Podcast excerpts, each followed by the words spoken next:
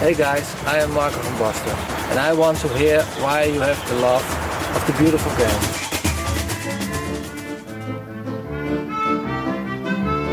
Daar zijn we dan, aan de vooravond van het WK 2018. Of de voorochtend, wanneer je dit dan ook luistert. Alle ploegen zijn inmiddels uitgezwaaid in de uitzwaaiwedstrijden, iedereen op eigen traditionele wijze. Fransen zijn ontevreden over Pogba, Gundogan wordt uitgefloten door zijn eigen publiek en de Engelse tabloids schreven de kranten vol over de nieuwe tatoeage van Sterling. Kortom, ze kunnen allemaal niet wachten tot het WK begint. Want er ligt daar toch een schitterende groepsfase op ons te wachten. Wedstrijden als Portugal-Spanje, Colombia-Japan, Zweden-Zuid-Korea. Oh, oh, oh. Maar eerst wordt natuurlijk het bal geopend door Rusland, het thuisland, de nummer 66 van de wereldranglijst. Ze ontvangen Saoedi-Arabië, nummer 1 in mensenrechtencoëfficiënten, waarvan ik nog nooit één speler heb zien spelen. Dat kan maar één ding betekenen. Het wordt geweldig.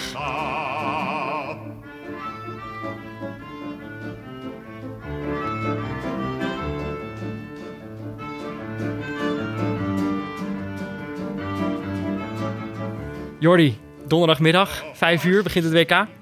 Ben jij eh, tevreden over je voorbereiding?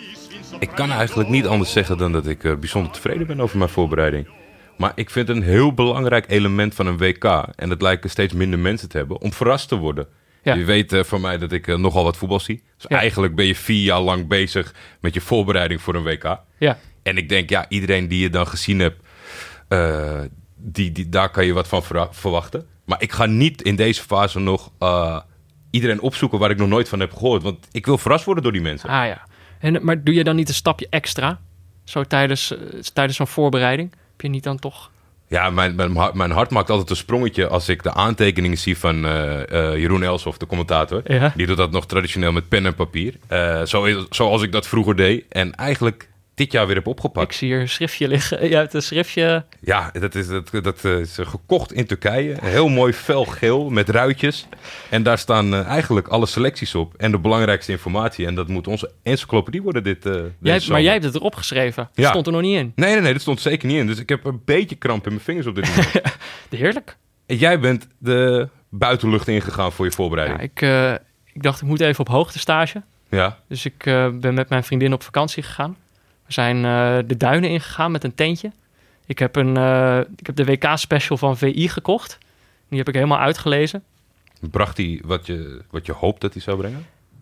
Nee, ik was eigenlijk, wat je zegt, ik was eigenlijk wel verrast. Ik had gehoopt dat, er, dat het gewoon boordevol allemaal informatie en feitjes zou staan. En ze hebben hier en daar wel wat eh, geprobeerd. Maar het zijn vooral de verhalen die ik eigenlijk het leukste vond. Dus dan hebben ze bijvoorbeeld met Hiddink over Rusland. Ze hebben een interview met Van het Schip over eh, Australië.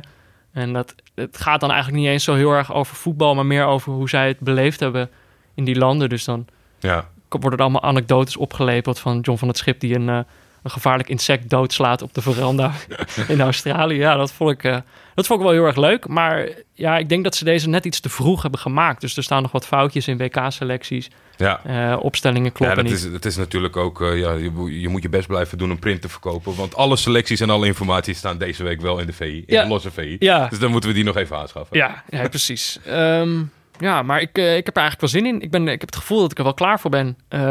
Ik heb sowieso veel minder voetbal gezien dan jij. Maar nee, dat, lijkt me, dat lijkt me dus heerlijk aan, aan de vooravond van, van zo'n mooi toernooi. Dat je, dat je nog door zoveel dingen verrast kan worden. Ja, nou, ik ben dus wel, ik ben wel nog wat voorbeschouwingen gaan lezen verder op het internet. Ja, Dat was wel die van The Guardian, wat jij me aangeraden was. eh, die hebben over elke speler werkelijk een, eh, een profieltje geschreven. ja ik, ik, kreeg wel tijdens het lezen af en toe het idee dat ze het dan een beetje aan het afraffelen waren. Want je kan natuurlijk niet 736 fantastische portretten maken, maar er zaten echt fantastische feitjes bij. En ja, The Guardian is wat dat betreft voetbalinhoudelijk wel de grote speler. Ja, Deze zomer. Ze gaan het ook helemaal eh, real-time bijhouden met cijfers en zo. Dat vind ik wel interessant, is wel leuk. Ik had er eentje van de New Yorker gelezen. Was een beetje, ja, dan merk je toch wel dat dat Amerikanen zijn. Ja, die toch wel net iets anders met voetbal bezig zijn. Eh, die hadden het bijvoorbeeld over of het... Die, volgens hun zou het WK alleen maar tussen Ronaldo en Messi gaan, zo'n beetje. En dan daarnaast nog Suarez. ja het, is, het is wel, ik vind dat wel leuk in, in die fase, want normaliter laat je eh, Amerikaanse voetbaljournalistiek een beetje links liggen. Ja. Maar ze weten het wel heel leuk op te schrijven, maar inhoudelijk zie je dat zij zo anders in het voetbal staan dan wij met z'n allen. Ja. Ik had nog een paar andere Amerikanen gevonden. Dat Ja. vond ik ook wel een leuke voorbeschouwing. Meestal is het toch... Dan ga je toch een beetje voor, voorbeschouwen van de koude grond. Dus dan zeg je gewoon... eh, nou, Dat zal er allemaal gebeuren en dan maak je een keuze. Maar ik had gevonden dat ze bij Goldman Sachs, de, de fantastische bank, daar hadden ze, daar hadden ze een, eh, eh, was wel leuk. Daar hebben ze dus met hun eh, AI-modellen, hebben, ze, hebben ze het WK 1 miljard keer gesimuleerd. Ja. Eh, en op basis daarvan hadden ze een paar voorspellingen gedaan van wat er zou gebeuren. Brazilië gaat winnen volgens hun.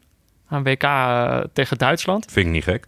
Nee, nee, dit is volgens mij wel een aardige voorspelling. Engeland haalt de kwartfinale en verliest daarin volgens Goldman van Duitsland. Ja, Ja, nou dat, ja. dat gun je de Engelsen niet. ja. En ze zeggen, oh ja, dat vond ik wel interessant. Dat is ook wel leuk in verband met de openingswedstrijd.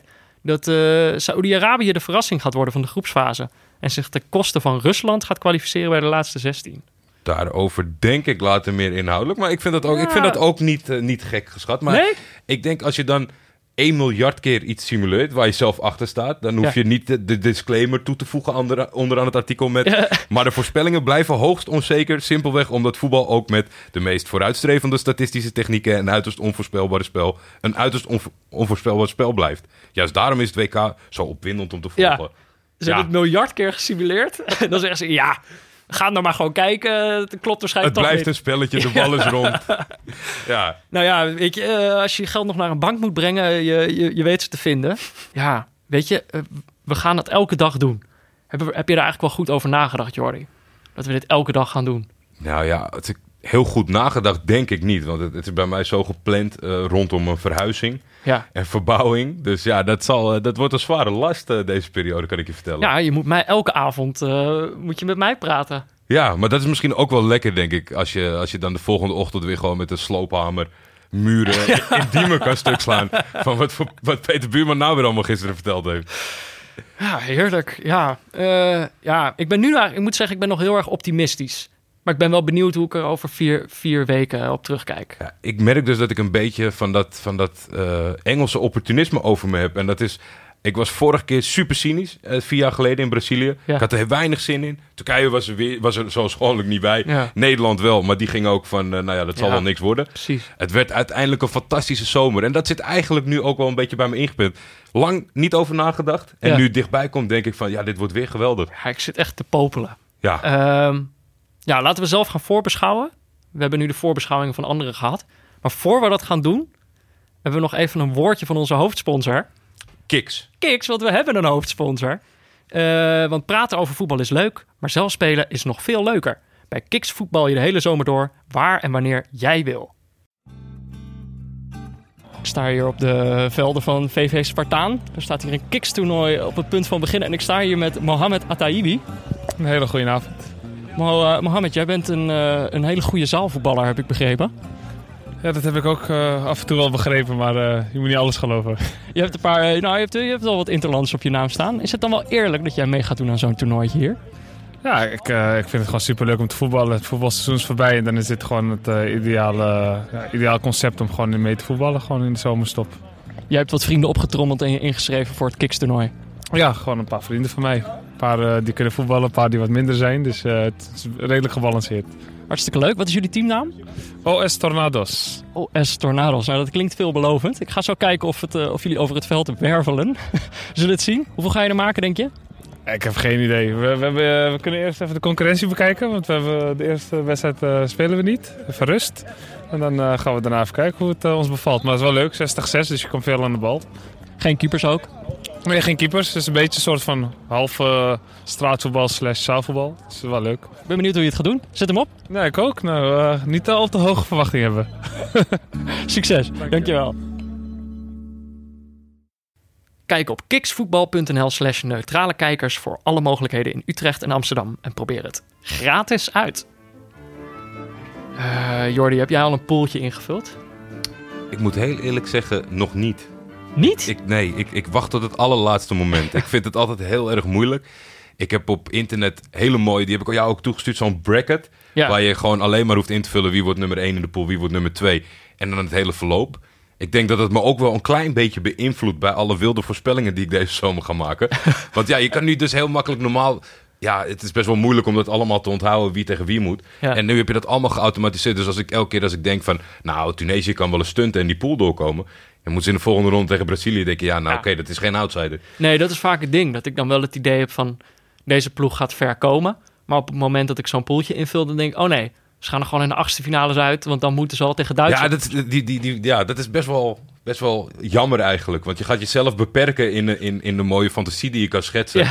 over een eindzege van Nigeria. Maar dat wordt gewoon heel lastig. Ja. Maar jij hebt wel een poeltje inge- ingevuld bij de familie. Eh, zeker. Ja, wij hebben met de familie Buurman hebben wij eh, elk eindtoernooi. Ook EK's over het algemeen, maar eh, toch wel vooral bij WK's. We altijd, dan moet de hele familie meedoen. Ja, Wordt georganiseerd door mijn... niet eh, echt een keuze. Nee, dat is niet echt een keuze. Mijn, mijn oom Paul organiseert het en die, eh, die blijft je net zo lang lastigvallen totdat je hem eindelijk eh, ingevuld hebt. Bij mij werkt het ook niet op mijn eigen computer. Toen zeiden ja, dan regel je toch een andere computer. en dat heb ik toen nog gedaan nee, ook. is geen optie. Nee, is geen optie. Dus iedereen doet mee.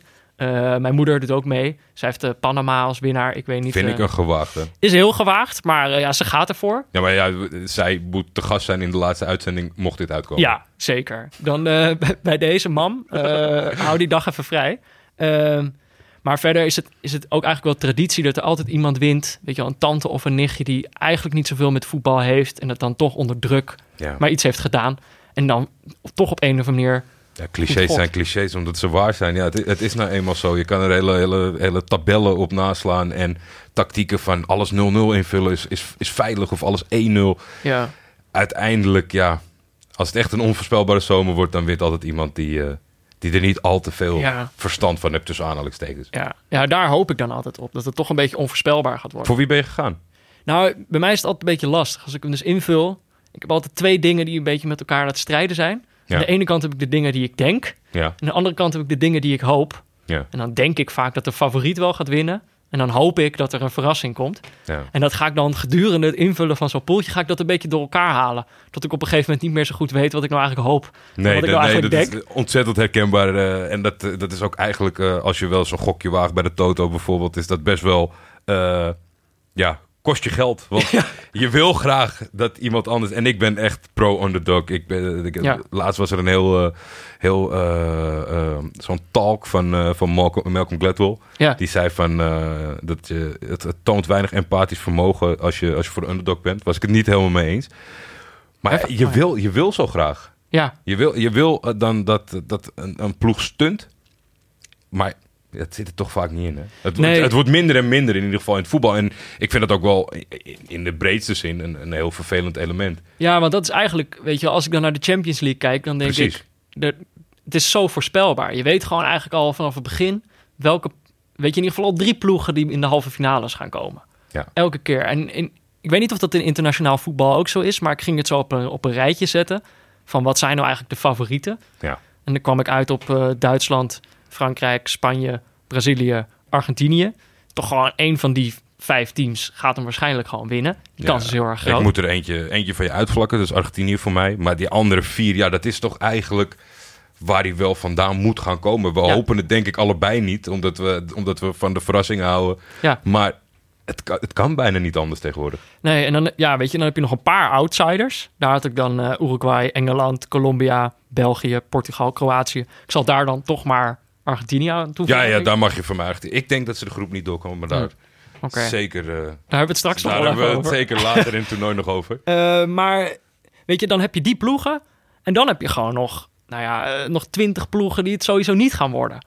Nee, dat, dat, dat is ook wel best wel, het lijkt me een moeilijke mindset om aan het toernooi te beginnen als ploeg. Dat je als bijvoorbeeld de twee die de openingswedstrijd gaan doen in die kleedkamer zitten en van, je moet toch je best doen, want wie weet. Maar eigenlijk Ja. weet je, het is, het is gewoon een mooie vakantie van drie wedstrijden. Nou ja, en je kan natuurlijk, weet je, je hoeft hem ook niet per se te winnen. Sommige ploegen kunnen echt al verrassen als ze de groepsfase eh, doorkomen. Ja, ik vind dat we het onszelf niet zo makkelijk moeten maken bij onze aanstaande wilde theorie allemaal. Ja. Ik vind een kwartfinale van een ploeg die je er niet verwacht, als we die goed voorspellen, is punten. Oké, oké. Nou, dat gaat, dat gaat sowieso lukken. Ja. Ja, daar heb ik wel vertrouwen in.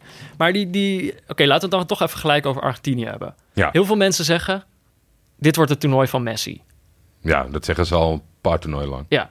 Maar Ja. dit is zeg maar, ja, nu, nee, nu wordt het echt het toernooi van Messi. Ja, het kan ook niet anders, want het is toch misschien zijn laatste. Hij is Ja. nu 31 of vier jaar in Qatar, 35. Mhm. Kan het dan nog wel? Ja, ik zie het niet gebeuren. Hij is fantastisch, dat staat buiten kijf. Het is, het is ja, ik denk de beste ooit misschien wel. Ja. Maar voetbal doe je met z'n elfen. En dat is een verschrikkelijk cliché. Maar dat zie je bij Argentinië. Want hij is zo goed. Maar hij kan het niet alleen. Hij is, maar hij is ook denk ik een beetje... Want ik heb hetzelfde hoor. Ik heb ook niet het gevoel dat Argentinië echt gaat winnen. Ze zijn wel een favoriet, maar eh, het gaat niet gebeuren. Ja. Maar dat is ook... Messi is natuurlijk ook voor mijn gevoel een beetje moe. Ik heb hem het hele seizoen... eh, eh, heb ik, hem een, of ik heb hem niet het hele seizoen gezien. Ik heb hem een aantal momenten in dat seizoen gezien. En dan elke keer is hij wel fenomenaal. Maar het is toch ook wel een beetje een seizoen van blessures geweest. Ik toch ook denk... eh, Ja, maar dat, weet je, dat is het, mensen die willen dat Messi slaagt, die verzinnen op alles een theorie. Want dan is het weer bijvoorbeeld bij een blessure is het weer lekker. Dat zeggen ze nu ook bij Neymar, dat hij natuurlijk maanden heeft kunnen uitrusten, revalideren Ja. en geen wedstrijden heeft gespeeld. Ja. Dus zo kan je dat ook wel weer benaderen. Ja, ik, ik, ik denk gewoon als je naar de hele ploeg kijkt, alles achter ze. Voorin is prima. Ja. Maar is dat voldoende om... om, om ik, ik denk het niet. Dus keeper moet je nagaan. Sergio Romero is geblesseerd. Dat is eigenlijk een probleem. Want waarschijnlijk krijgen we nu goed uh, Willy Caballero op de goal. ah joh, geweldig. Ja, dus, nee, ik, ik, ik, ben niet, eh, ik ben niet onder de indruk van de, van de achterhoede. Het is misschien in die zin ook wel een beetje... Een, want ze hebben gewoon wel een mooie selectie. Maar het is misschien juist dan een... een- het kan ook een vloek zijn dat ze Messi hebben. Want ze moeten alles op hem inrichten. En als het dan straks niet lukt... of je krijgt een ploeg tegen je die, eh, die het goed dichtbouwt... Ja, dan... eh, Je hebt dat natuurlijk bij die vreugdeuitbraak bij Zweden gezien. Zweden kwalificeerde zich zonder slaat aan. Ja. En je merkt ook echt dat die ploeg soort van een, van een, een, een, last had verloren. ja, En dat is, eh, dat is, ja, dat is- heel gek om dat te constateren. Als je de beste, allerbeste alle tijden geen plekje weet te geven om het succesvol te maken. ja. Jij noemde net Neymar al. Ja, Ik, eh, gaat Brazilië niet gewoon revanche nemen? Na, voor, na, de, na vier jaar geleden, dat debakel in eigen land. ik denk niet dat ze nu andersom, dat ze 7-1 winnen van Duitsland. Nee. Dat, dat zit er niet in. Die revanche Nee, krijgen ze, die krijgen ze nooit meer. Nee. Maar het is wel een hele goede ploeg. Eh, Het is, eh, als je gaat kijken, dat ze bijvoorbeeld... eh, nou ja, sinds Tafarel misschien dat we dan nog die daar kunnen meenemen. Maar nooit een goede... Ja, dat zeggen ze natuurlijk. De, de Brazilianen willen altijd spits zijn. Ja. Dus geen goede keepers. Nou, ze hebben nu twee fantastische keepers. Ja. En, Ederson. Ja, Ederson en eh Alisson. Ja. Klinkt als een prima duo. nu het De tweelingbroertjes. Ja. De broers eh, Ederson en Alisson. En nee, het is, het, is, het is, ik denk precies de juiste balans waarvan het bij Messi misschien wel een last is voor de ploeg dat hij er zit. Ja. Dat iedereen hier zoiets van hem, ik kan zelf goed voetballen. En anders hebben we altijd nog Neymar om naar te spelen. Ja, ja, ik geloof eigenlijk, als ik eerlijk ben, geloof ik er wel een beetje in dat, eh, dat het voor Neymar handig is dat hij eh, geblesseerd is geweest. Eh, want hij was er ook helemaal niet meer bij Paris Saint-Germain, toch? Dan wonnen ze. Nee, bij, bij de prijsuitreiking stuurde Ja. hij een, eh, een foto vanuit Brazilië dat hij aan het pokeren was. En wel, wel naar de huldiging aan het kijken was Ja. natuurlijk. Dat is het minimale wat je kan doen. Als je 20 Eh, miljoen Goed gedaan, jongens. Ja, Gefeliciteerd. maar ik had Aas Koning, dus ik moest even opletten. Ja, maar eh, ik, ik geloof er eigenlijk wel in dat hij gewoon eigenlijk in zijn hoofd al de hele tijd bij Brazilië geweest is. En eh, dat we daar de effecten van gaan zien. ja. Ik Zou, denk- zou je het vervelend vinden als Duitsland het gewoon echt gewoon zonder, zonder enige schwung Ja. binnen, binnen, binnensleept? Ja, ik ben echt bang dat... eh, dat is dus eigenlijk het doemscenario. En Duitsland is natuurlijk wel de absolute favoriet. Mhm. Eh, het zijn ook een stel eh, verwende gymnasiumkindjes bij elkaar allemaal. Ik, ik ben er wel bang voor dat zij uiteindelijk gewoon weer met waterdicht voetbal... Ja. heel degelijk tot de finale komen. Jij als, als liefhebber en die die wedstrijdjes uitkiest, eh, benieuwd naar jouw mening. Want natuurlijk, de hele voetbalwereld was in rep en roer. Ze lieten Leroy Sané thuis. Ja.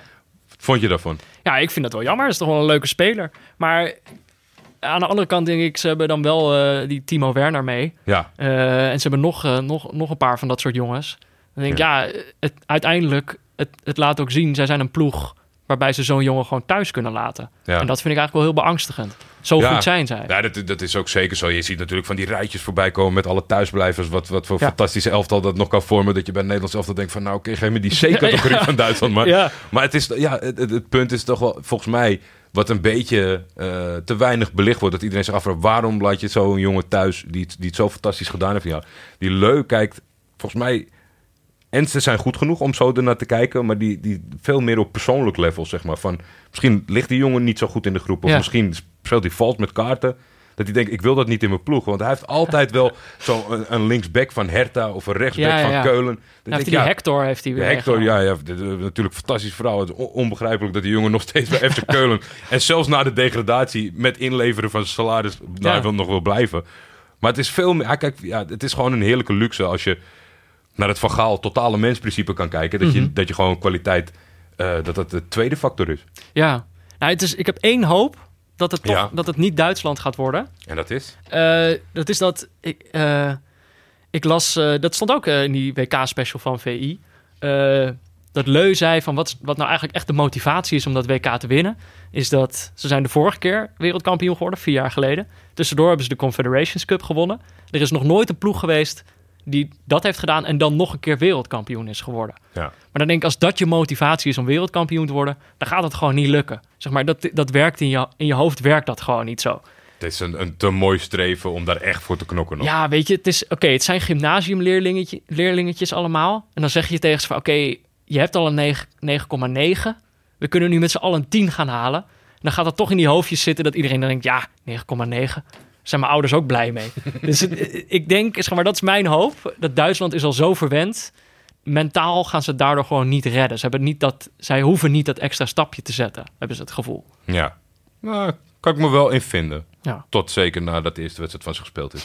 Daar komen we hier waarschijnlijk weer op terug. Het is, ja, dan zijn er nog, weet je, we hebben dan nog twee favorieten niet gehad. En dat zijn Spanje en Frankrijk. Ja, Ik kan daar nog niet helemaal. Spanje kan ik sowieso eigenlijk mijn- mijn vingers nog niet echt achter krijgen. nee. Omdat het. Dat is gewoon weer een. Weet je, daar zag je ook weer van die plaatjes van. Dit zijn alle spelers die ze hadden kunnen selecteren. Je, en dan zie je gewoon. eh, eh, tien fantastische middenvelders voorbij komen. Ehm, en ja, en daar kiezen ze er dan een paar uit. Ja. Ja, nee, dat, dat, dat is zeker waar. En- de meeste mensen slaan altijd stijl achterover op het moment dat ik zeg... Ja, ik, ik word nooit zo vermaakt door het type spel wat zij eh, erin hebben geslepen door de jaren heen. Nee. En dat is, dat is misschien onvoorstelbaar, maar dat denk ik ook te maken dat weinig, dat steeds meer mensen fragmenten voorbij zien komen in plaats, in plaats van hele wedstrijden. Ja. Dat oeverloze heen en weer getik zonder, zonder vooruitgang. En dan eindigen ze meestal wel met een mooi steekpaasje of een lopje over de verdediging, wat Ja. prachtig is. Maar ja, in eerste instantie wil ik gewoon vermaakt worden. Daardoor ligt zeker deze zomer hard bij de Afrikaanse ploegen. Oh, oké. Dat, dat wil ik gewoon een beetje zien. Gewoon hè, niets van nadenken. Ja, we hebben nog één favoriet. Frankrijk. Hmm. Ik zei het al in de, in, de, in de opening. Er wordt een beetje. Er wordt alweer gezeurd op Pogba. Ja. Die doet het allemaal alweer niet goed. Ja, ik zag, ik zag vanmiddag volgens mij een hele mooie opzomming van, van als Pogba in een wedstrijd vier keer scoort en dat twee keer met de hak en één Ja. keer achter zijn standbeen. Dan zijn er nog mensen van, ja, dat kan iedereen. Ja, Ik weet niet waarom hij dat stempel heeft. Misschien is het, is het de aankoopprijs, misschien is het hoe flamboyant hij is, hoe, hoe prettig hij met zichzelf...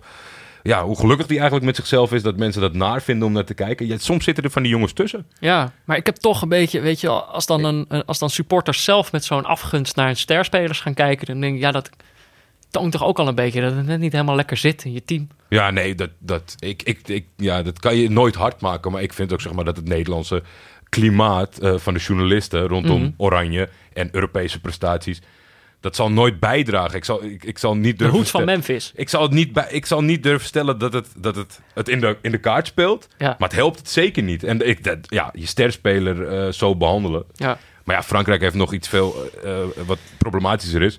Dat is DJ Deschamps, de trainer. Ben ik niet gek van. En ik wil op een eindronde niet naar Giroud kijken.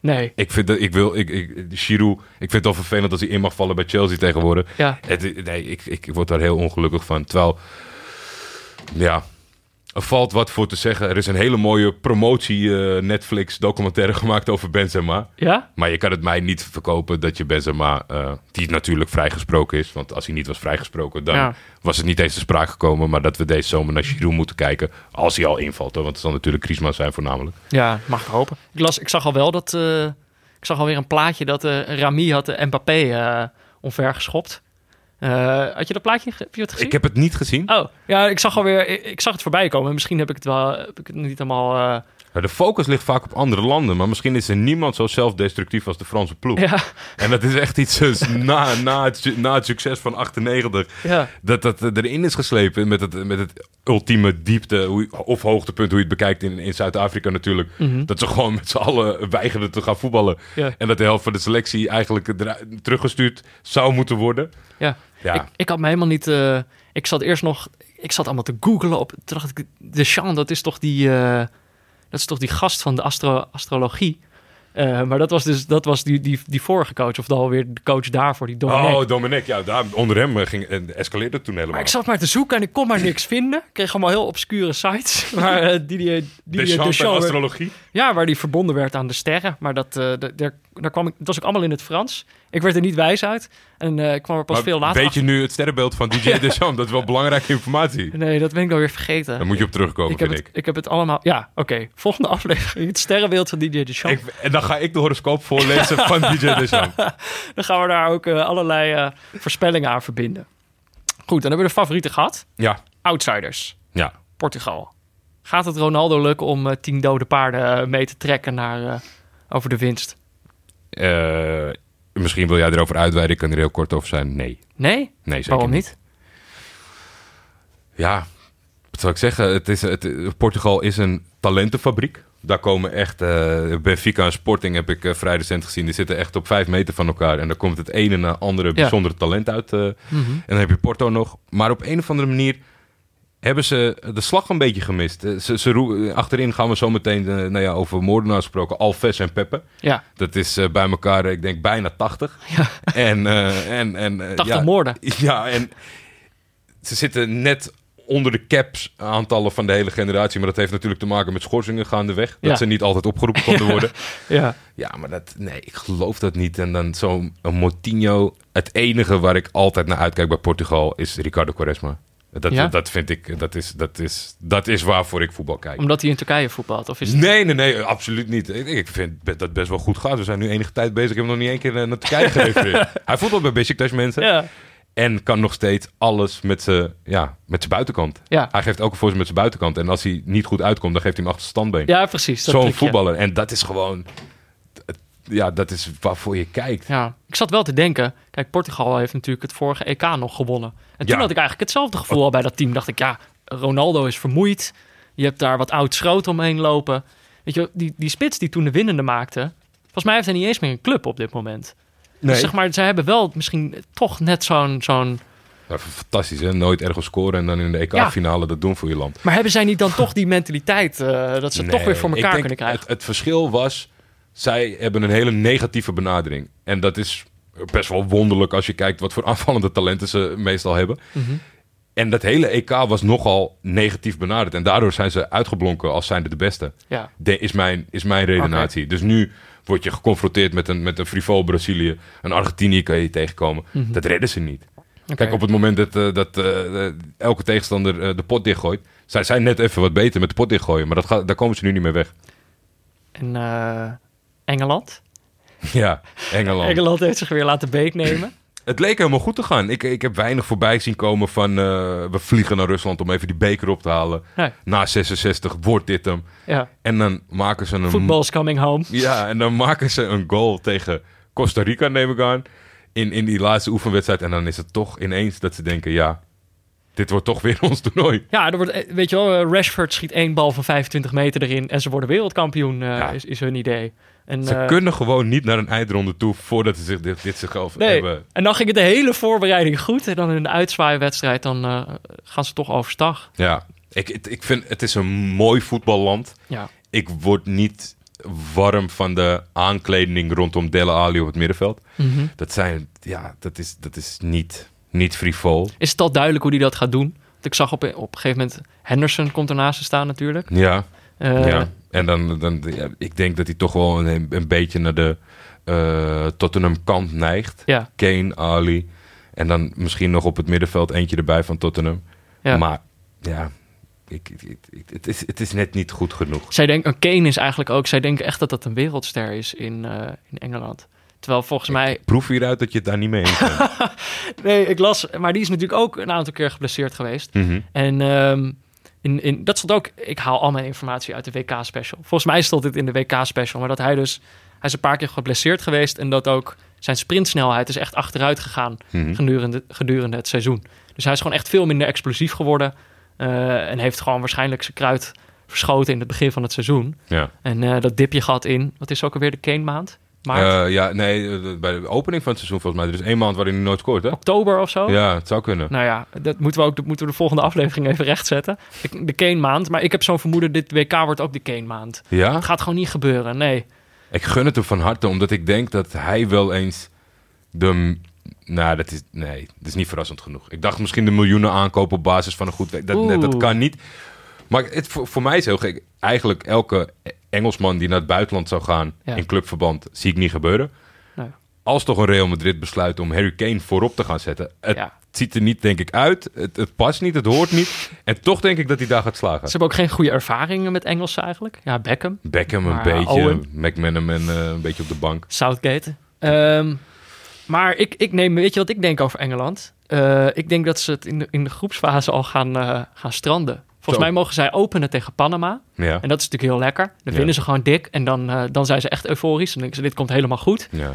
Dan moeten ze tegen Tunesië. Ik denk dat ze zich dan verslikken. Dan wordt het gelijk spel of zo. En dan hakken over de sloot. En dan, En dan moeten moeten ze tegen België. En dat is natuurlijk een wedstrijd vol verhalen met eh Hazard en Kevin De Bruyne. eh compagnie als hij fit is. Ik denk dat ze dan echt keihard door het ijs zakken. En dan, en dan opeens gaat Tunesië door in plaats van, van Engeland. Interessante theorie. Ja. Maar ja, dat heeft meer met waar het weer v- verstrengelt tussen hoop en wat je Ja. denkt. Ik hoop het. Ik hoop dat deze, deze, dit scenario is weggelegd voor de Belgen. zij eruit vliegen. Ja, dat de Belgen eruit vliegen en dat Engeland en Tunesië doorgaan. Maar dat is, ja, de Belgen, dat is, eh, ik heb het ook opgeschreven, dat is echt het doemscenario. Als Ja. zij het heel goed gaan doen, dit WK. Daar ben ik wel een beetje bang voor. Ja, ik, ja, ja, het is gek, want in het dagelijks leven word je niet zo heel veel geconfronteerd met Belgen. Nee. Of tenminste, Nou ja, ik ben in Brabant eh, opgegroeid. Ja. Eh, daar zie je ze iets vaker. Daar zie je ze ze zijn ze in ieder geval ook dichtbij, dus je voelt ze altijd. ja. Maar het is een beetje de tendens van de nieuwsgeving, denk ik. Dat, dat, dat, je, dat we langzamerhand, waar we vroeger om de Belgen moesten lachen, nu wel een beetje boos worden als, ze- als ze iets over Ja. ons zeggen. Nou, en het is ook, ik, ik, ik, ik moet daar heel eerlijk in zijn, het is ook gewoon echt angst. Ehm, want het was, kijk, vier jaar geleden, toen gingen die Belgen ook al met een geweldige selectie. En wij gingen toen met een, met een veel mindere selectie. Toen had je ook al dat het gevoel van, please, weet je wel, laten we het alsjeblieft beter doen dan die Belgen. Want je zag die Belgen, die zaten al zo in hun geniepige handjes te wrijven. Zo van, nou, eh, we gaan nou dit jaar vol overheen. Ja. Ehm, ja, en nu hebben ze natuurlijk vrij spel. Wij doen niet mee. Ja. Dus we gaan het sowieso niet beter doen dan die Belgen. En stel, weet je wel, stel ze gaan het echt goed doen. En ze halen gewoon de finale. Nou, finale hebben wij ook nog, eh, hebben we ook nog wel eens gedaan. Maar als ze dat winnen, dan... Ik wil echt niet weten... Kijk, we, zeggen altijd dat die Belgen zo bescheiden zijn. Maar dat is, dat is, dat is niet zo. Nee, nee, nee, maar dat, dat, dat, gaat- gepaard met een goede generatie voetballers en dan verandert zo de, Mhm. hele, de hele instelling van zo'n land. Dat is dan weer... Ik heb ook daar weer een theorie over bedacht. Dat is hun valkuil. Kijk, ze hebben nu zo'n goed team. En ze zijn nu al zich stiekem aan het, erop aan het verlekkeren... dat, eh, dat ze het beter gaan doen dan, eh, dan wij. Ehm, door te winnen bijvoorbeeld. Maar dat ze daardoor een soort eh, arrogantie krijgen... Die, die ze helemaal niet gewend zijn. Ja. En die eigenlijk ook niet bij ze past. Ik denk wel, als je, als je gaat winnen... dan moet je een zekere bravoure voor hebben. En dat België heeft dat dan... Ja, die moeten dat dan gaan hebben. En ergens is dat terecht. Maar ze zijn dat niet helemaal gewend. Dus dan denk ik dat dat misgaat. Ja, ja, ja. Dat kan, vind ik een hele goede theorie. Ik denk, de- Ook een beetje psychologie van de koude grond natuurlijk. Hè? Maar dat... eh, waar ik het meest naar uitkijk om te volgen en wat ik hoop, is dat eigenlijk Martinez wordt de Domenech van dit, eh, van dit Ja? toernooi. Er zijn spelers geweest die zich gewoon na een, na een wedstrijd hebben uitgelaten over zijn tactiek of de, het ontbreken daarvan.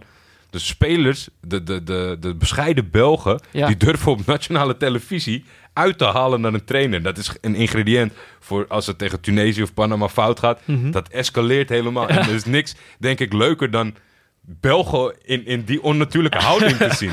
Ja, dat, het, een- dat het een gigantische rommel wordt. Ja. Dat zie ik ook wel voor me. Ja, ze, de, de, de grootste- Lang rokend op tv, lachen.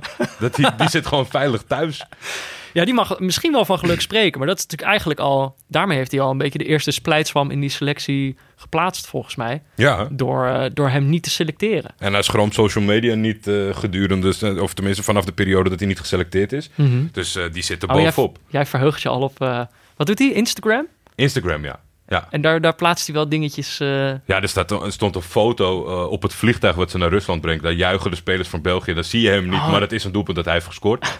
en voor de stoel van de, van de eerste rij waar Martinez moest zitten... ja. was zo'n grote afbeelding van Nyango Lang. dus Oh. de marketing liep wat voor op het selectiebeleid. Oh ja.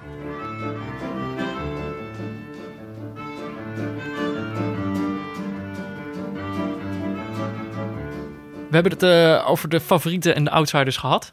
Laten we het nu nog even hebben. Leek mij wel leuk als we allebei nog één eh, oud-outsider aanwijzen. Het heeft niet met de leeftijd te maken, maar het betreft Nee. dat ze nog minder kans hebben dan de outsiders. Ja, ik had, ik had inderdaad de onderverdeling favoriete outsiders en, eh, en de rest. En de Ja. rest was dan zo goed als kansloos, dacht ik. Ehm, maar, Maar- daar zitten dus de verrassingen. Daar hebben we wel nog even naar gekeken en in eerste instantie iets uitgepikt voorlopig. Nou ja, ik, weet je, gewoon...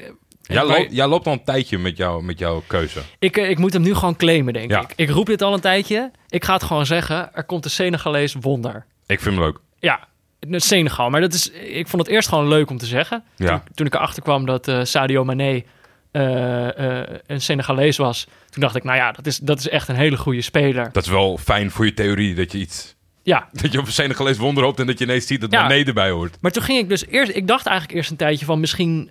Misschien hoop ik alleen maar dat Senegal het goed gaat doen. Ja. Maar toen ging ik die selectie bekijken. Toen dacht ik, ja, toen ging ik het eigenlijk ook steeds meer denken dat ze het goed gingen doen. Dus ik ging daar naar kijken. Je hebt dus Mané, dat is echt zo'n sterspeler. Ja. Dan hebben ze nog eh Keita Balde van eh, Monaco. Eh Moussa So, is jou ook Mhm. bekend. Zeker weten. Voetbalt in Turkije.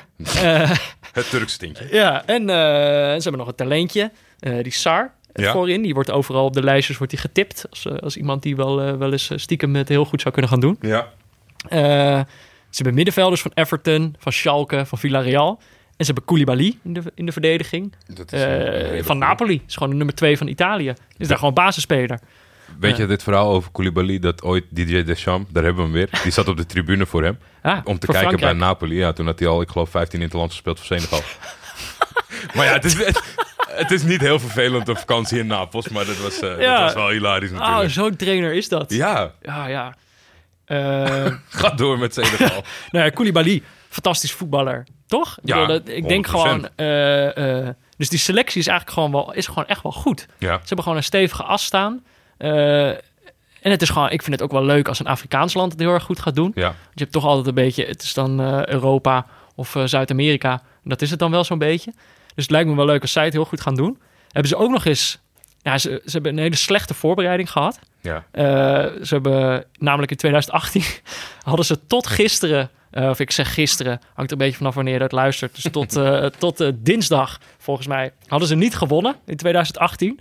Ze hadden verloren van Kroatië, gelijk gespeeld tegen Luxemburg, Oezbekistan, Nigeria en Bosnië-Herzegovina. En pas in de uitzwaaiwedstrijd tegen Zuid-Korea, die ze om onduidelijke redenen zonder publiek hebben gespeeld. Dus ze zijn niet echt uitgezwaaid. Ze hebben gewoon een wedstrijdje gespeeld. Daar hebben ze naar verluid, want het werd ook niet echt genoteerd, hebben ze het met 2-0 gewonnen. ja. Dus het was een eerste winst van 2018. Dan kun je zeggen dat is een hele slechte voorbereiding.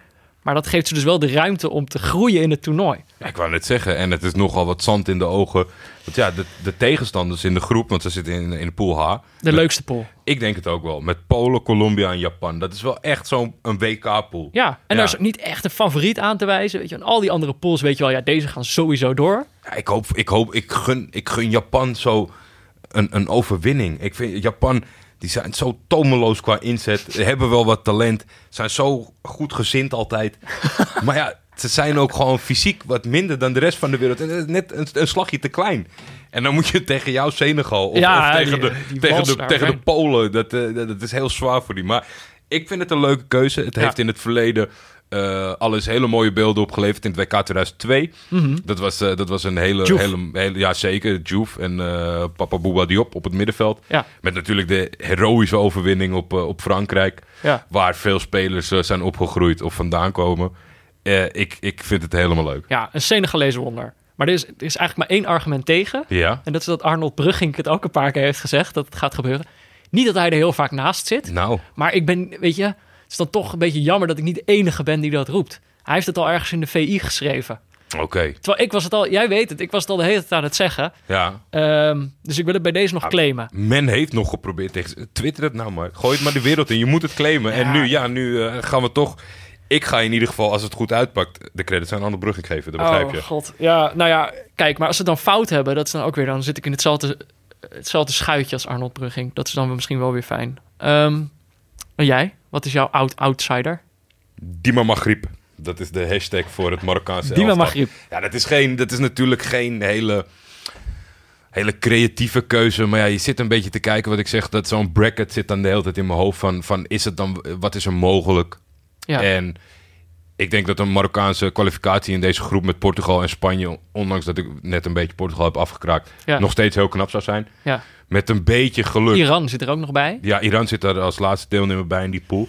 Met een beetje geluk, of tenminste de allerslechtste, mochten zij eh, tweede worden in de pool, dan wordt waarschijnlijk koploper van groep A bij Rusland, Saudi-Arabië en Uruguay. Uruguay. Mhm. Nou, dat is wel het stevige, maar zou kunnen. Het is, weet je, het is geen Brazilië, geen, geen Duitsland. En wat ik, wat ik eerder zei, ik denk een kwartfinale plaats voor Marokko, Marokko zou sensationeel zijn. Ja.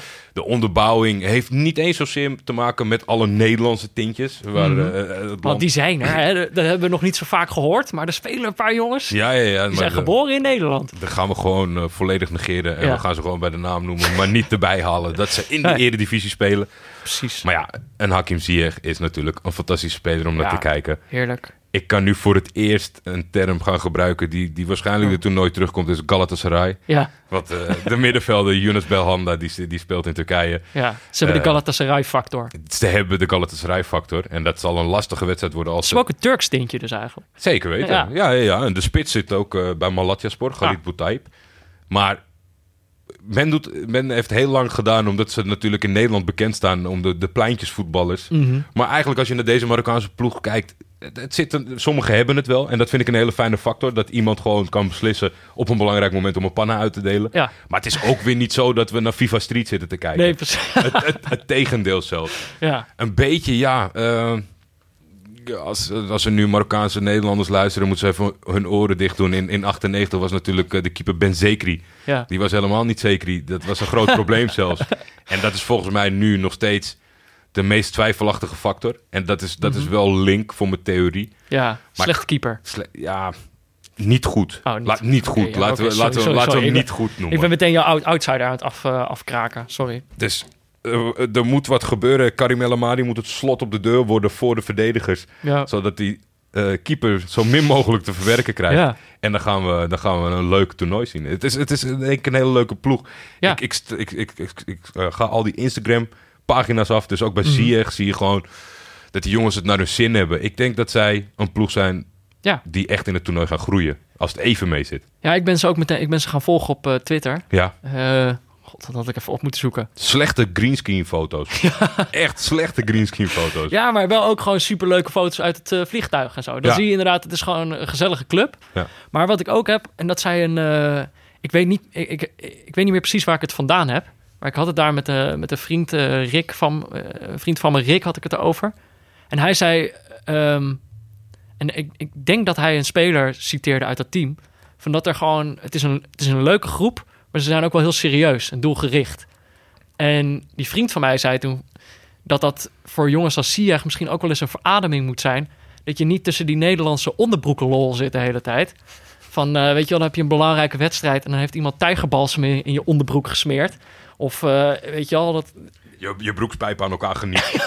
ja, nee. Weet je ik, dat is dan dat is zo'n onderdeel van die Nederlandse voetbalcultuur... en dat doen we allemaal maar zo lollig over. Maar het lijkt me ook vreselijk als je daar tussen zit. Ik, ik heb het wel eens een keer voorbij, eh, voorbij horen komen, gewoon in een analyse, dat dat het Nederlands voetbal terug zou houden. Of, of tenminste tegenhoudt om beter te, te Ja. ontplooien. Als we, als we weer pindakaas op, op elkaars oren smeren... dan gaan we het gewoon weer redden. Ja, dat, eh, dus ik kijk vooral uit naar Marokko. Willen we nu alvast twee spelers claimen? Gewoon twee spelers waarvan Ja. wij denken, leuk. Nou, we hebben, nu, we hebben nu twee ploegen uitgekozen waarvan we zeggen... die gaan we, die gaan we vol in de gaten Ja. houden en daar hebben we vertrouwen in. Misschien inderdaad ook een eh, spelertje. Je hebt, eh, jij hebt al een spelertje genoemd waar jij, eh, waar jij naar uitkijkt. Mahmoud Ibrahim Hassan. Ja. En dan denk je, nou, drie random Arabische namen. Ja, Maar hij heeft een fantastische alias. Ja. Trezeguet. En ja, geen idee waar dat vandaan komt. Misschien is hij groot fan van, van de spits. heeft hij die ooit. naam zelf verzonnen? Ik denk, ik denk dat hij... Nou, ik weet niet of hij hem zelf heeft verzonnen, maar wel eh, toegeëigend. Want hij Mhm. speelt daar ook mee op zijn shirt. Hij eh, speelde afgelopen seizoen eh, in Turkije bij Kasımpaşa. Ja. Was daar echt sensationeel. Een, een, een Salah light. Mhm. De, de performance was... Hij speelt bij Egypte. Hij speelt bij Egypte, ja, zeker. Ehm, je moet natuurlijk tegen, of rekening houden met, met het niveau van de competitie en waarop hij acteert. Ja, Maar ik denk dus dat de hele wereld, die is, die, die, die, elke trainer knijpt hem voor Salah. Die gaat zo meteen Ja. zeggen, jullie gaan met z'n tweeën naar Motu. ja. En daardoor, Eén man die hem de hele tijd Ja. moet dekken. Ja. het enige gevaar is dat de bondscoach hem nog wel eens anders iets verdediger wil inzetten dan zijn trainer in, eh, in clubverband. Dus dat zou wel zonde zijn. Jij denkt dat de Trezeguet in de, in de schaduw van Salah wel eens... eh, Ja, ja juist, juist in die, of uit die schaduw kan komen. Maar Ja. dan heb je natuurlijk ook maar één. je- je- hij moet het wel meteen doen. mhm. Want anders eh, hebben ze het door. Maar hij is echt magistraal. En hij is in, in bloedvorm. En het is te hopen inderdaad dat, eh, dat Salah de blikvanger wordt. Ja, Die komt er ook wel uit tegen twee of drie tegenstanders. Ja. En hij met die ruimte ons gaat vermaken. Ja, dan moet Salah wel fit zijn voor die eerste wedstrijd natuurlijk. Ja, dat hing er nog een beetje om, maar die tweede zeker. Ja, oké. Nou, ik ben benieuwd. Trezeguet, schrijf hem op. Ja, ik heb... eh, deze gast kwam in alle lijstjes terug. Er waren allemaal lijstjes van... dit zijn spelers waar je op, op moet gaan letten. Dit kan wel eens een verrassing worden. En er was één speler, misschien zeg ik, spreek ik het fout uit... is van het thuisland, vond ik ook wel leuk. Golovin. Golo, Golovin? Golovin. Zoiets zal het wel zijn. We, we gaan hem morgen gaan we proberen recht te zetten. Eh, Golovin. Eh, het is een middenvelder. Eh, ik, weet, ik ben zelfs vergeten bij welke club die speelt. CSKA Moskou. Echt? Ja, Is er gewoon eentje van, van van CSK. maar dat, eh, ik zag hem steeds terugkomen. Eh, hij is vrij jong, hij is 22 volgens mij. Ja. Ehm, hij, eh, hij, hij, hij draait al best wel lang mee. Maar dat eigenlijk de Russische hoop ook een beetje op hem gevestigd is. Er lopen een hele hoop ontzettend oude rotten rond in het team. Maar er loopt er ook gewoon eentje rond van 22, eh, waar ik nog niet van heb gehoord. Die ik ook nog nooit heb zien spelen. Ja. En daardoor ben ik eigenlijk wel benieuwd hoe hij het gaat doen. Ook, en ik wou eigenlijk dit woordgrapje niet maken. maar jij Oh, nee. had het net over een keeper die niet zo zeker was. ja. Ik, ik denk zeg maar dat hij het goed gaat doen. En dat dat dan voor Rusland, die er toch niet, het zien er niet heel goed uit voor dit WK. Nee. Dat ze zich daaraan kunnen optrekken, omdat ze dan erachter komen dat dat is wat ze moeten doen. Geloof in! Ze moeten geloven in! Sorry. We hadden het gisteren in de auto over Ja. woordgrapjes. Doen we het allebei. Heel Ja. slecht. Excuses mensen. Eentje, we, laten we de teller doen. Je mag er eentje. Eentje, en eentje in de en het liefste niet. Nee, eentje eigenlijk niet. Eentje per toernooi. Deze waren te makkelijk. Dit was het gewoon. Nu Ja. mag het niet meer. Oké, dat waren de spelers. Ehm, nu, we moeten nog één voorspelling doen. Mensen die zitten waarschijnlijk ook te luisteren en die zeggen van... eh, wat is dit nou? We moeten dit ook nu even op... op ja, ik wou zeggen op papier. Jij zit weer met je schriftje. Maar we moeten dit nu even vastleggen. Ja, Ehm, we moeten gewoon nu de wereldkampioen voorspellen. oké. Zo aftellen en tegelijk roepen? Oké, drie, 3, twee, 2, één. 1. Brazilië. Duitsland. Duitsland? Duitsland. Maar dat is wat je denkt. Dat is niet wat je hoopt. Oh, nee. Verder van zelf. Nee, ja, ik eh, ben het helemaal eens eh, met jouw constatering van de gymnasiumjongetjes en die Ja. het eigenlijk niet gunt. Maar aan de andere kant, eh, hè, het, is me ook, het is ook de eer van ETFF Ja. dat er wel een juiste voorspelling uitkomt. Ja, nee. Duitsland. ik- sorry, sorry. Ja, ik denk dus wel Brazilië. Ja. Ik denk, weet je, dat, Maar eigenlijk hopen we dat we allebei, dat het allebei niet meer kan kloppen na de groepsfase. Dat, Dat- zou, dat zou een mirakel zijn. dat zou het leukste zijn. Maar dat, ja, nee, dat wordt lastig. Ik denk, eh, ik denk toch Brazilië. Toch Goldman Sachs, hè? Ik geloof ze gewoon, die jongens. ik, ik laat al mijn beslissingen nemen door Goldman Sachs. Eh, ja, de openingswedstrijd. Zullen we het daarover gaan hebben? Ja, De wedstrijd waar eh, het WK mee geopend wordt. Op papier misschien wel de meest beroerde openingswedstrijd die ik, die ik ooit heb gezien. Op papier dan, hè? Ik denk dat de FIFA dus heeft besloten, omdat over het algemeen de openingswedstrijd niet zo goed is, Ja. dat ze het lot zijn gaan tarten, een soort van min-min is plus. Oh ja. Dus dat ze gewoon een hele saaie wedstrijd hebben inge in de hoop van dat het dat misschien averechts kan Ja, werken. En ik denk misschien wel, dat is dus voor de duidelijkheid, het is eh, voor de luisteraars die, die denken, wat is dit nou weer? Rusland, Saoedi-Arabië Ja. is de wedstrijd. Ja, Ehm, ja, weet je, thuisland mag altijd het eh, toernooi openen. En soms is dat, eh, wordt het ze heel lastig gemaakt. Maar Ja. dit is eigenlijk een wedstrijd waarvan je zou zeggen, die zou Rusland wel moeten winnen. ja als Rusland een fatsoenlijke ploeg had, dan was dit eh, een prima loting. Dan zouden Ja. de mensen suggereren over warme balletjes. Maar ze hebben echt, ik denk de slechtste selectie die ze in de afgelopen jaren hebben gehad. Ja. En dan ook nog een blessuregolf eroverheen. ja. Eh, En, en ook een, een, een trainer, Stanislav Tchechov, ja. die sowieso eruit ziet alsof hij hiervoor wat anders heeft gedaan. ik, ik kan niet mijn Iets anders dan voetbal. Ja, je? iets anders dan voetbaltrainer Ja. zijn. Ik kan niet mijn vinger erop leggen waarop, maar eh, goede kop, goede Ja. kop, goede snor. Kale, kale kop, goede snor. Ruziemaker. Ruziemaker. Want hij heeft eh, een- een veelbelovende speler, Denisov. Mhm. Daar heeft hij eh, in 2015 eh bonje mee gehad. Nooit meer opgeroepen. Oké. Terwijl ze die goed zouden kunnen gebruiken. Juba. Artem Zuba. Ja. Die zit wel bij de selectie, dus die is er doorgekomen, want die had hem gepersifleerd op Instagram. Ja, hij had, eh, hij had inderdaad met zijn hand had hij, eh, een snor nagedaan. Jeetje. Samen met Kokkorin, Ja, die er ook niet bij is omdat hij geblesseerd is. oh, dus daar, misschien moeten we wel twijfelen aan de aard van de blessure van Kokkering. of, die, of die niet gewoon iemand heeft langsgestuurd. Die Juba. Ja. Nee, nee, nee, de trainer. Oh, Want die, die, ja, die, die heeft weinig zelfspot. Ik vind dat eh, geen goede eigenschap. geen goede eigenschap. Maar Nee. coaches moeten toch soms even met die harde hand... Ja, maar in landsbelang denk ik niet dat je... Hm. Want Zuba heeft zich... eh, die scoorde niet voor de winterstop. Is verhuurd. Ging toen Mhm. scoren als een, als een idioot. ja. Eh, maar uiteindelijk gaat de keuze waarschijnlijk vallen op Fedor Smolov. Ja, Nog wel bekend, eh, die heeft nog wel één keer de defensie van Vitesse laten huilen. Jaren geleden. Eén Toen keer. één keer eh, gescoord namens Feyenoord. En speelt nu weer in Rusland, toch? speelt nu weer in Rusland. Zoals bijna alle spelers. Van, Bij Krasnodar. Ja, eh, volgens mij is alleen Denis Cherchev van Villarreal eh, eentje die in het buitenland speelt. Is Ja. wel gelijk een hele leuke speler. Is, ja, kijk, als je basisspeler bent in, de, in La Liga, op Ja. het niveau van Villarreal, kan je wat. Weinig caps voor zijn leeftijd. Eh, maar 11 eh, 11 interlands op dit moment nog. Maar ik, ik, ik heb ze zien oefenen. Hun laatste oefenduel was tegen Turkije. Ah, dat was echt, dat was echt om te janken. slecht? Dat was echt om te janken. Wat was er slecht aan? Ja, het lijkt me toch. Kijk, de kracht van het WK is dat ik nu al dagen uitkijk naar Rusland, Saudi-Arabië. Ja. Maar zij mogen hem spelen en zij zien er niet uit alsof ze ernaar uitkijken. Oh, Misschien God. hebben ze ook zelf wel door van dat best wel eens een, een, een debakel kan worden. Ja, dat gevoel heb ik ook. Ja, en je weet dat de, de, de, de, de politieke leiding in het land, die, Mhm. die houdt daar niet van. Dus misschien zit dat ook wel in hun achterhoofd. Dat ze helemaal geen zin hebben om die ploeg te worden die het land te kakken heeft gezet. Ja, maar dat, is natuurlijk, dat, dat geldt voor allebei deze landen eigenlijk. Het zijn eh, politiek gezien geen onbesproken eh, regimes. Nee. Eh, en dat is natuurlijk ook wat je altijd bij zo'n WK hebt. Frank Heijnen eh, had daar ook een mooie column over Ja. geschreven. Maar ja, je kan altijd wel doen of- alsof, alsof sport en, en, en politiek twee gescheiden werelden zijn. Maar als zeg maar in de praktijk, weet je wel, er hoeft maar één speler op schoot te gaan zitten bij, bij, bij Poetin uiteindelijk. Ja, Ja. Niet, niet in het Holland Heinekenhuis, maar op een, eh, op een andere plek misschien. Weet je, en dan kun je dat niet meer volhouden dat daar een verschil tussen zit. Nee. Maar ik vind wel, ik vind wel, want het is natuurlijk de afgelopen dagen ook veel over de foto tussen Kadi, eh, Kadirov en, eh en Mo Salah gegaan. Ja.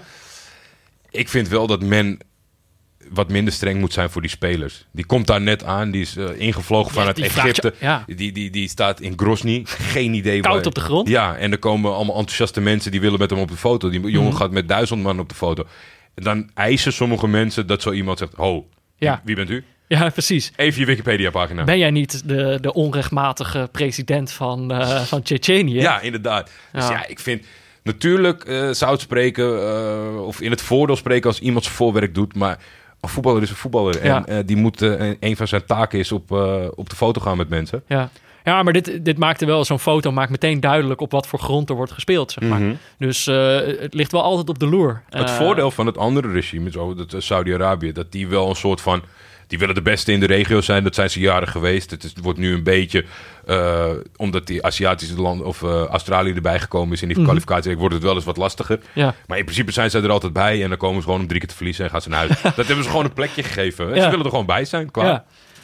Eh, Oké, nog, even, nog even naar Rusland. Ja. Toch even over de selectie. We hebben de politiek gehad. Daar komen we vast nog wel weer een keer op terug. Weet je wel, als er iemand bij Poetin op schoot zit, dan moeten we het erover hebben.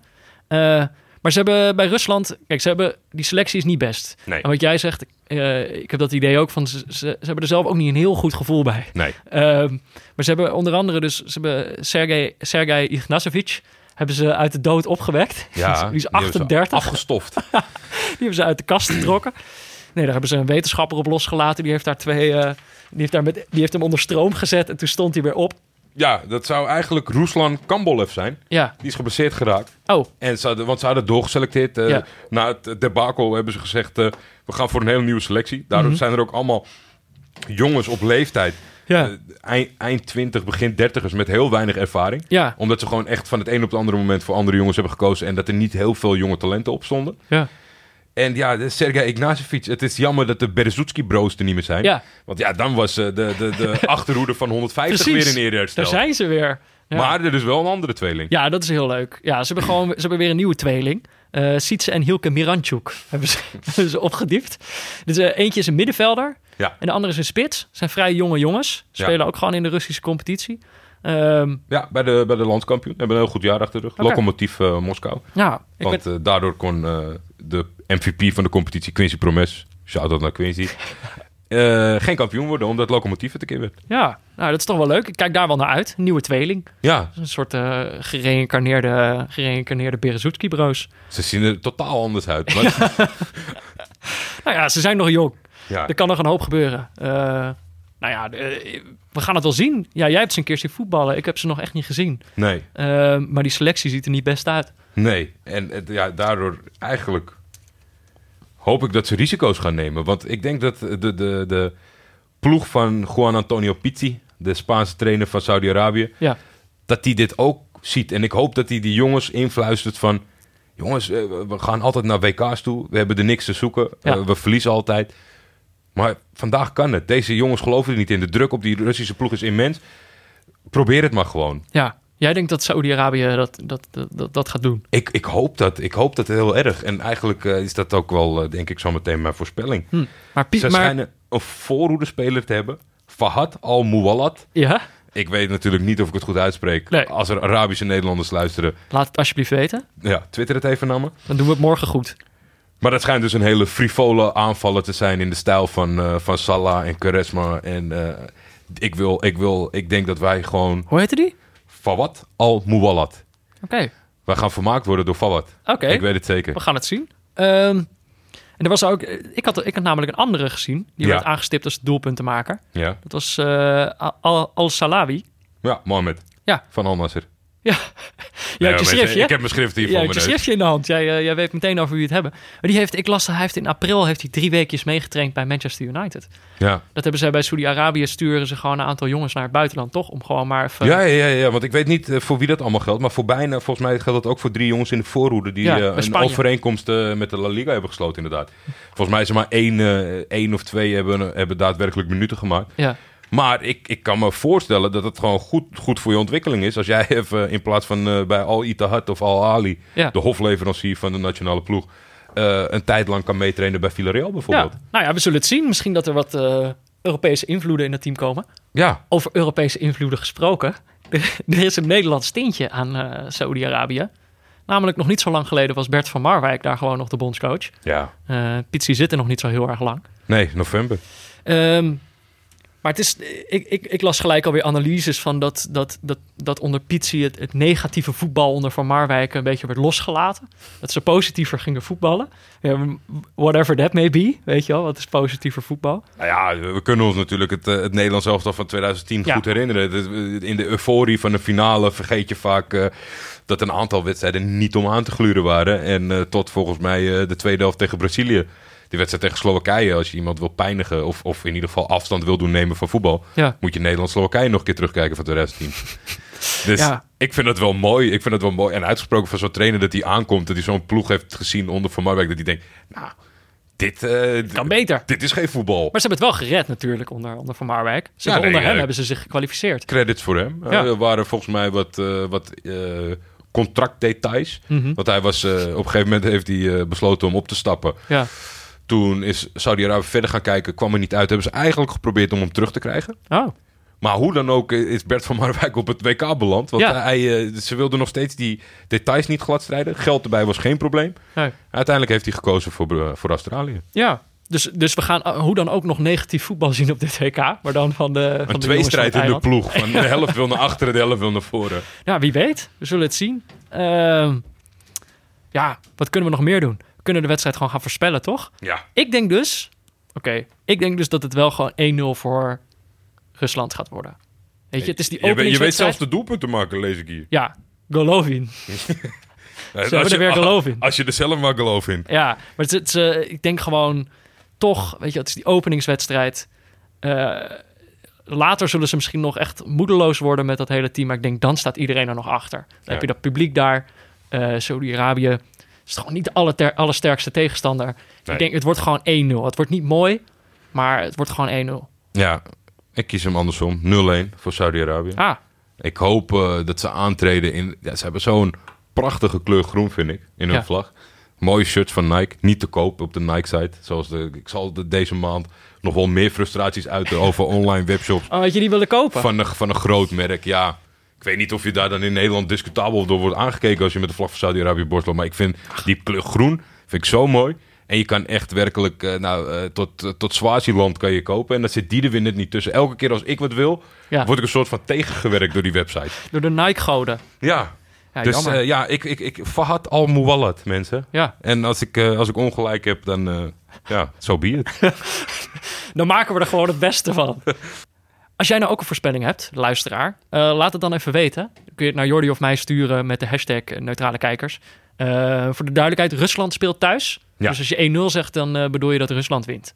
En dat heb ik dus al gezegd. Dus ik Ja. zou zeggen, Je je, hebt 180 tekens en het is gratis. Doe gewoon 280 even... Oh ja, tegenwoordig. 280. Dus vul er gewoon even volwaardig in. Weet je, en als je echt cool wil doen, doe dan even de doelpunten maken erbij. Ik denk dat het uiteindelijk niet echt uitmaakt. Maar misschien ook wel eigenlijk. Misschien dat heel veel mensen hetzelfde zeggen. Dan is het wel Ja, handig. ik vind het eigenlijk wel leuk dat als je je tiebreakers zelf verzint. En dan gaan wij wel bepalen wat we het knapst vinden. Ja. Dus denk jij Oh, ja. 1-0 voor Rusland en in de 26e minuut een gele kaart voor Kudolt Ignacevic. Ja, Ja, dan weegt dat waarschijnlijk zwaarder op dan zeggen dat Saudi-Arabië met 1-0 wint door een doelpunt van Al-Salawi. ja. Of een hat van de tweeling. Dat kan natuurlijk ook nog. Samen een hat ja. wel mooi. Ja, nou, dat soort dingen. Eh, laat maar weten. En dan gaan wij inderdaad wel kijken eh, wie er uiteindelijk gewonnen heeft. Ehm, ik kan niet wachten. Ik ook niet. Ik heb er zo'n zin in. Ik heb er zoveel zin in. In zo'n slechte wedstrijd. Dat weet ik helemaal niet. Wordt een hele leuke wedstrijd. Zeker. Goed. Dan was dit denk ik de, de eerste aflevering van Neutrale Kijkers. De WK-podcast van Jordi, mij en Dag en Nacht Media. Veel dank aan onze hoofdsponsor Kiks. Kiks. Dankjewel. Eh we zijn er dit WK elke dag. Geef je voorspelling door voor de openingswedstrijd via de hashtag Neutrale Kijkers. Eh, donderdag na de opening gaan we kijken hoeveel het geworden is. En blikken we vooruit op de tweede speeldag. Schitterende af- affiches als Portugal-Spanje, Egypte-Uruguay en Marokko-Iran. Dat wordt prachtig. Dos Vidanje. Dos Vidanje. Dit moesten we zeggen van Tim. Het is, Ergens dit toernooi gaan we het uitspreken zoals het hoort. het is, het is Russisch voor doei. Oh ja, als je dit zit te luisteren en zin hebt in meteen nog een podcast, dan hebben we nog een mooie tip. Een podcast van onze correspondent. Die verschijnt eens in de twee weken en daarin brengt een netwerk van 20 Nederlandse correspondenten overal op de planeet het kleine en het grote wereldnieuws in kaart. En wat zo leuk is, in de eerste aflevering staat het WK in Rusland centraal. Correspondenten Jeroen Akkermans en Martijn Smier staan op het Rode Plein in Moskou. Anne Sana doet verslag vanuit Londen en Evelien Redmeijer vanuit Rome. Speciale gast is Financial Times journalist Simon Kuper, ook wel bekend als Simon Kuper, die in gesprek met Steven de Vries zijn mening over Oranje niet onder stoelen of banken steekt. Van onze correspondent dus. Ook te vinden op www.dagennacht.nl.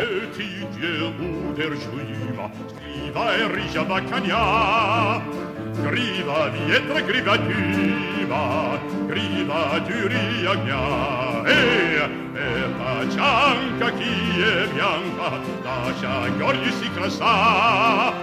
Puljem jo kaja ta cianca, se ci tire kalesa. Do svidania. Do svidania.